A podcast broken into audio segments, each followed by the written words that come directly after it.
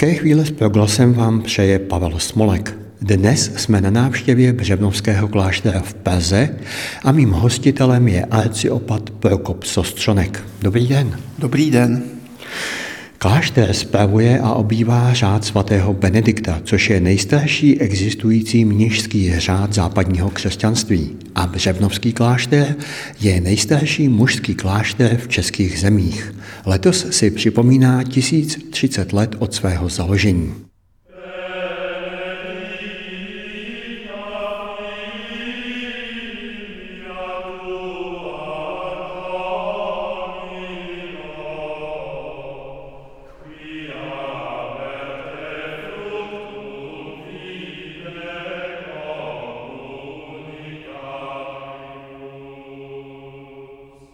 K založení Břevnovského kláštera mělo dojít v lednu roku 993. U jeho zrodu stáli český kníže Boleslav II.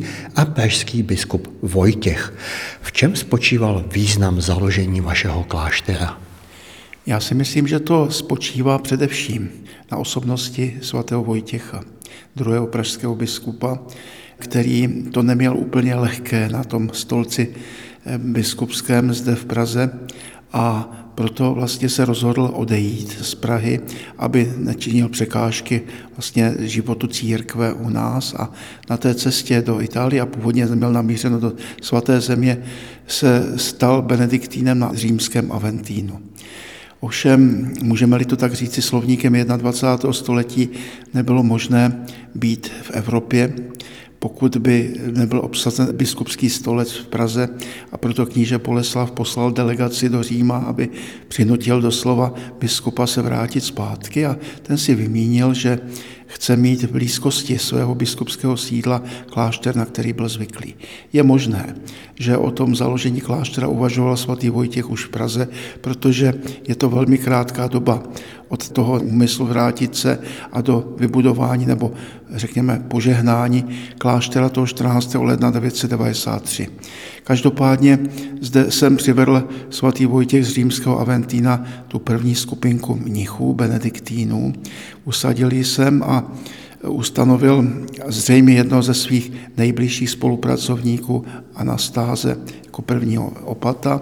Zřejmě zde byl také Vojtěchův bratr Radim a tato první skupinka mnichů žila v klášteře, který byl zasvěcen svatému Benediktu, Alexiovi a Bonifácovi, protože to bylo zasvěcení Alexia a Bonifáce na římském Aventínu. Dodnes, když čeští poutníci přijedou do Říma, navštíví římský Aventín, tak tam najdou klášter svatého Alexia. Říkal jsem v úvodu, že Břevnovský klášter si letos připomíná 1030 let od svého založení. Klášter a mniši během té doby prožili řadu obyčejných, ale i dramatických událostí. Byl například zničen husity. V relativně nedávné době to byla třeba akce K, kdy komunisté rušili kláštery. Co z těchto událostí byste chtěl posluchačům připomenout? Já si myslím, že vůbec ten klášter za ty tisíc a víc nebo více než tisíc let své existence zažil mnohé, protože stojí u cesty z Prahy směrem na západ, tedy do Německa. To znamená, každá armáda se tady ráda zastavila. Nejenom již vzpomínaná husická vojska, ale vzpomeňme také rakousko-pruské války v 18. století, takže ta současná krása barokní už byla poničena brzy po tom, co vznikla a v polovině 18. Eh, století, takže my třeba znovu posvěcení našeho chrámu slavíme 9. října, poté, co byl vyčištěn chrám v roku 1757. Takže to je také vlastně další důležitá vzpomínka z dějin našeho kláštera, ale samozřejmě Akce K zasáhla mohutně do života tohoto kláštera, protože to bylo jediné období, kdy mniši vůbec tady nemohli žít. A byli rozptýleni, někteří ve vězení, někteří v civilních zaměstnáních, někteří odešli do exilu, takže v roce 1990 se začínalo znovu. A jak těžké bylo po roce 1990 obnovit klášter a ten klášterní život? Tak jedna věc je obnovit budovy a jedna věc je obnovit život. A u Benediktinu je to tak, že pokud nežije ta komunita společně, nemodlí se, nepracuje společně, tak to nejsou benediktíni. Já jsem sám byl vlastně v ilegalitě nebo v podzemí a vím, že než jsem začal společně žít tady, tak to byla vždycky to tak říkám, trošku hra na benediktýny, nebo alespoň pro mě to byla příležitost chvilku odejít nebo navštívit spolubraty v Polsku, v Krakově, ale jinak se skutečně začínalo znovu a si myslím, že vytvořit společenství mnichů je daleko složitější, než třeba obnovit budovy a spravit střechy. Takže ale obojí se to muselo od roku 1990 dít a když se mě někdo ptá, kdy budeme u konce oprav, já říkám, takovém klášteře se pořád na některém místě pracuje, takže je to jako natírání filovky, skončíte a začínáte. My už teď po těch více než 30 letech znovu některé, některé části kláštera musíme upravovat. Vy jste říkal, že vlastně nejsložitější je obnovit ten život mnichů. Jak se vám to daří podle vás?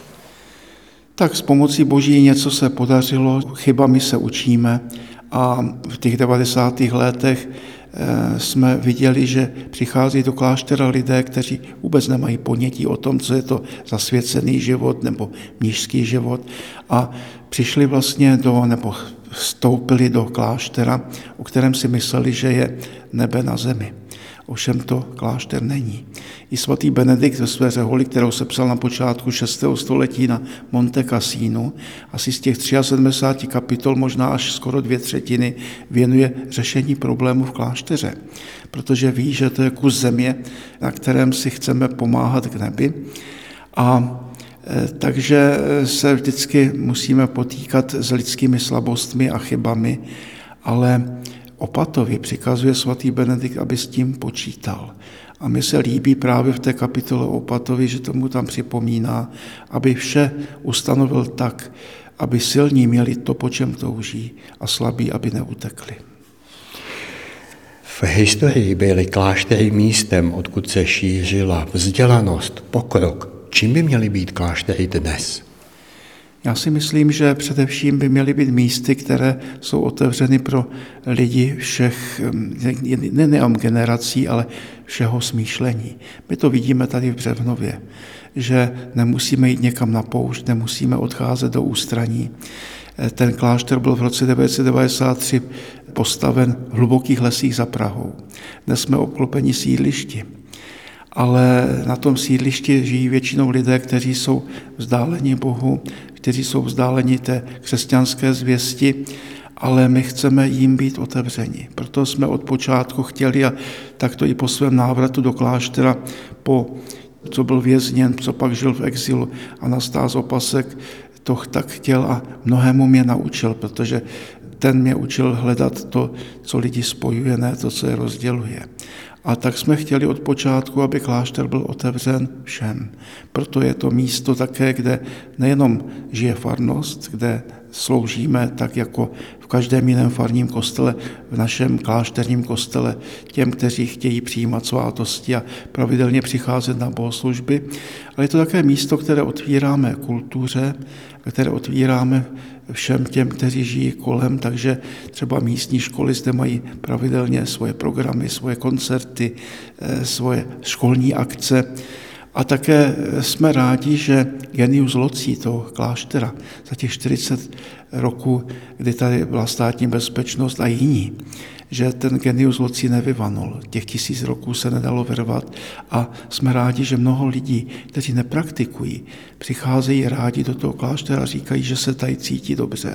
A to je to, co my jim chceme nabídnout a co je jakási taková preevangelizace, že se tady společně mohou setkat v zeleni nebo i u našeho klášterního piva, popovídat si a možná najít něco víc. A já si myslím, že toto místo už samotné je takovou preevangelizací a pozváním všech těch, kteří přicházejí. Vy jste zmínil vaše klášterní pivo. O vašem klášteře existuje asi nejstarší doložená zmínka o vaření piva u nás a vy v tom dnes úspěšně pokračujete. Ano, jsme rádi, že se podařilo navázat na tu starou tradici. Je skutečně v pivovarnické české literatuře řečeno, že spolu s klášterem byl založen pivovar, takže se považuje za nejstarší pivovar na našem území a e, jsem rád, že jsem našel lidi, kteří chtěli právě v této tradici pokračovat a snad pokračují úspěšně, protože si už to našlo svoje klienty. Ovšem k tomu, aby se klášter uživil, tak určitě musíte vyvíjet ještě další aktivity. Jaké? Tak samozřejmě nejenom to, co se děje v tom samotném klášteře, to pohostinství a pivovar a všechno to, co můžeme tady nabídnout, nebo i ty kulturní a společenské akce, ale také jsme zrestituovali nějaké pozemky klášterní na Kladensku lesy, na Žatecku nějaké polnosti a tam jsme chtěli ukázat, že benediktini uměli a umí snad do posud hospodařit a tak jsme založili vzhledem k tomu pivovaru také nové chmelnice. A postavili jsme novou také sklizňovou a sušící linku na chmel, tu technologii jsme dovezli z Bavorska, poradili jsme se s bavorskými benediktíny, kteří pěstují chmel, takže dokonce jsme rádi, že tuto technologii tam obdivují čeští chmelaři. Poprvé se tato technologie dostala směrem na východ. Takže to je jedna stránka věci. Také je třeba si připomenout, že Břevnova postupně v průběhu těch tisíci let byly založeny jiné kláštery, třeba Rajhrad u Brna, pak na počátku 13. století Police nad Metují a posléze Broumov. A tato symbioza Břevnovsko-Broumovska trvala po celá ta staletí, vlastně od 13. století a proto máme také svoje lesy hlavně a polnosti na Broumovsku a ty také musíme zpravovat, takže to je další vlastně díl naší ekonomické činnosti tam na Broumovsku.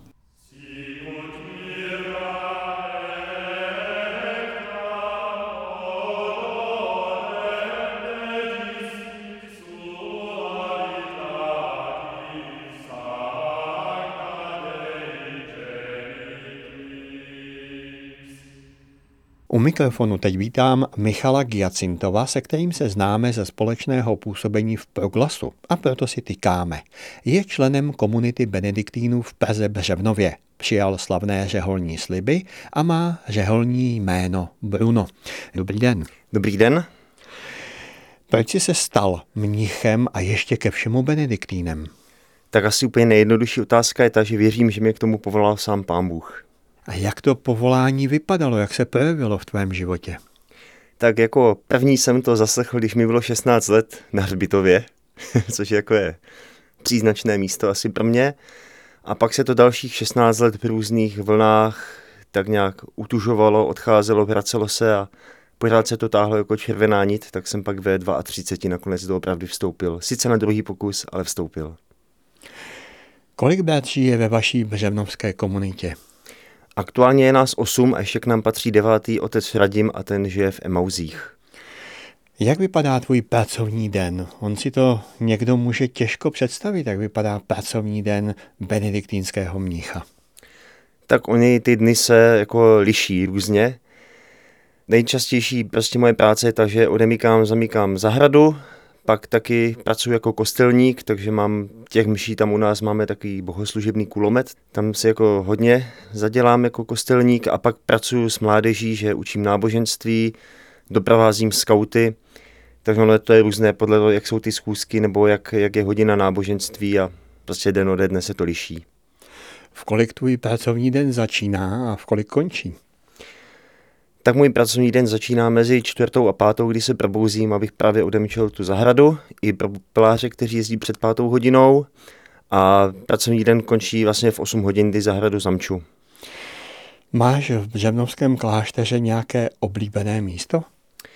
Oblíbené místo? No, tak mě je oblíbený ten hřbitov, kam se chodí modlit, takže to není úplně jako místo v klášteře asi Vojtěžku, kde prostě máme ty skautské schůzky, kde se učí to náboženství, tam je mi tak jako příjemně.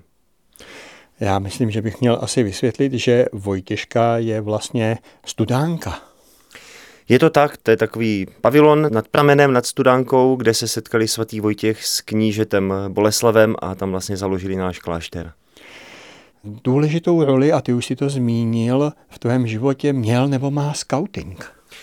Je to tak, já jsem vlastně z nevěřící rodiny a když jsem jel na skautský tábor poprvé, když mě rodiče dali do křesťanského oddílu, tak se šlo na mši, mě bylo sedm let nebo osm a strašně jsem chtěl vidět, jak chutná svaté přijímání, tak jsem se zeptal vedoucích, co mám dělat, abych mohl, tak mi doporučili, abych chodil do náboženství, nechal se pokřtít, tak se i stalo a nakonec se to vymklo z ruky a dneska už jsem žil jáhen a v klášteře.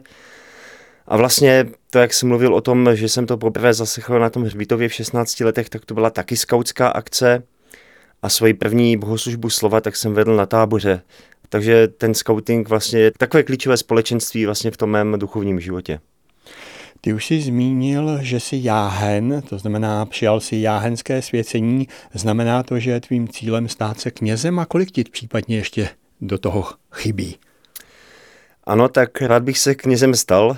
Co mi k tomu chybí, tak no chybí mi toho hodně, takže to musím jako s velkou důvěrou v boží pomoc. Já jsem v úvodu říkal, že se známe ze společného působení v Proglasu.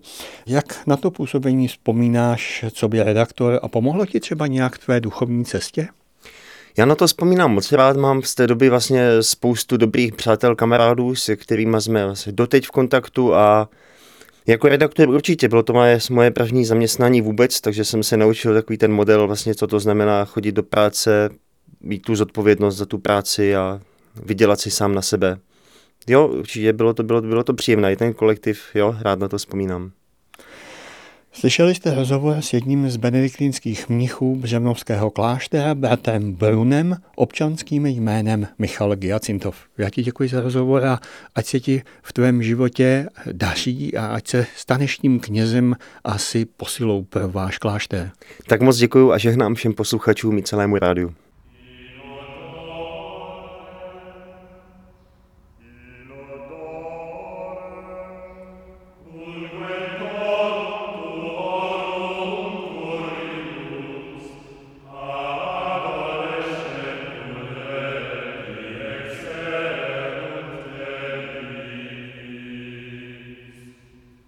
Na proglasu posloucháte pořad připravený u příležitosti 1030.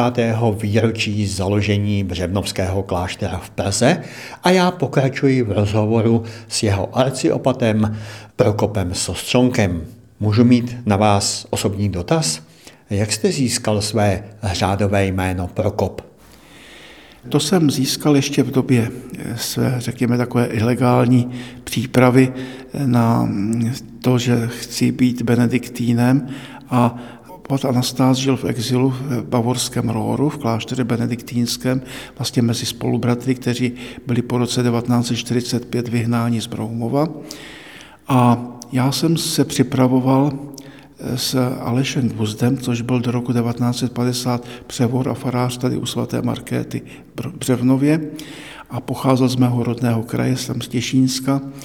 A ten měl už svoje cestičky, který mi informoval Anastáze Opaska, že má jako zájemce a byl domluven, že mi udělí to řeholní jméno, takže přišla pohlednice z nějakého poutního místa bavorského a tam bylo napsáno tak, jak se píše vlastně na pohlednici pozdrav od tamtud, tam a tam a PS pozdravují též Prokopa. Takže takto mi bylo předáno řeholní jméno a jsem za ně velmi rád. Vy už jste dvakrát zmínil vašeho předchůdce, Lanciopata Anastáze Opaska. Jak na něj ještě vzpomínáte? Na něj vzpomínám velmi rád, protože jednak my jsme byli zpočátku jenom v kontaktu písemně, na který státní bezpečnost přišla, pak až po listopadu 89 jsem se odvážel zavolat do Rohoru a Anastás Opasek asi z té radosti, že bude moci se vrátit a z té změny společenských poměrů u nás dostal infarkt při návštěvě eh, vídeňského kláštera Benediktínu na počátku roku 90. Takže naše první osobní setkání bylo v nemocnici ve Vídni. A Bohužel Anastás Opasek pak se projevily u něj jiné zdravotní obtíže. Musíme si uvědomit, že v roce té změny už měl 77 let když se mohl vrátit, ale vrátil se a byl to, jak už jsem naznačil, člověk, který mě naučil mnohému a hlavně té otevřenosti lidem dobré vůle. bez ohledu na to, že se neptal, jestli jsou pokřtěni, což často se na to ptal, ale ne proto, aby je sortíroval, ale aby věděl, s kým má tu čest a kde může začít, o co se může opřít a za co může toho člověka správným způsobem chytit. V úvodu jsem vás představil jako opata. Před 30 lety při tisícím výročí založení kláštera svatý Jan Pavel II. povýšil vaše opatství na opatství. Co to znamená a jaký to má význam? Je to spíš takový eh, čestný titul tohoto kláštera. Uděloval se v průběhu staletí těm klášterům, které měly význam pro širší okolí a už eh, ve středověku se o tomto našem klášteře mluvilo jako o archistériu, protože svatý Vojtěch počítal, že by to mohlo být takové výchozí centrum evangelizace směrem na sever i směrem na východ. Takže spíš k tomu tisíciletí to bylo jakoby obnovení toho čestného označení našeho opatství. My se teď nacházíme v bazilice svaté Markéty. Tato vrcholně barokní stavba byla postavena Krištofem Dietzenhoferem a jeho synem Kiliánem Ignácem Dietzenhoferem. Co nám o této stavbě můžete říci? Je to skutečně jedna z nejkrásnějších asi staveb eh, těchto dvou stavitelů, otce a syna a jsme rádi, že máme toto dědictví otců a opata Otmara Cinkého, který od roku 1700 začal vlastně takovou barokní přestavu, kdy se stal opatem nejenom tady v Břevnově, ale v Broumově, v Polici nad Metují, na Kladensku, ale také v Legnickém poli. To je klášter, který znovu získal pro benediktíny. A řekl jste, že jsme u svaté Markéty a já, když jsem mluvil o dějinách klášter, o počátcích, tak svatý Vojtěch zasvětil tento klášter a kostel svatému Benediktu Alexii a Bonifáci. A dnes jsme u svaté Markéty. Ty její ostatky, které vidíme tady vedle hlavního oltáře na Mariánském oltáři, tak ty byly přineseny roku 1262.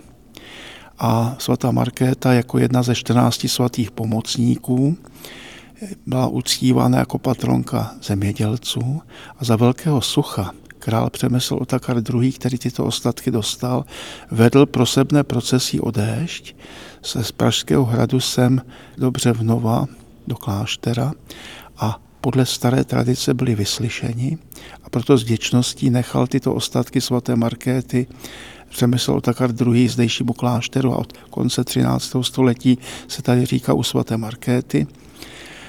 A také máme mnoha místa kolem kláštera pojmenována. Jednak Markétská ulice, plochá na Markétě, mnohé stavby nebo mnohé dokonce restaurace u Markéty. Takže svatá Markéta se stala patronkou tohoto místa. Jsme za ní moc rádi. Já už jsem vás prosil o jednu osobní otázku a mám ještě jednu. Jaké je vaše oblíbené místo tady v klášteře, v kostele, v tom celém areálu? Samozřejmě, že v tichu kláštera se sedí tady dobře já ze svého místa, kde se modlím v chorových lavicích. Vidím jeden z brandlových obrazů a to svatého Prokopa, takže vidím svého patrona řeholního.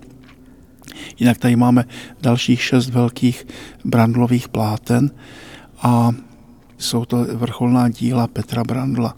A letos má být také otevřena výstava k výročí Petra Brandla a dvě z těchto pláten tam budou přímo vystavena. Takže je zapůjčíme a tady je nahradí na tu dobu fotografie.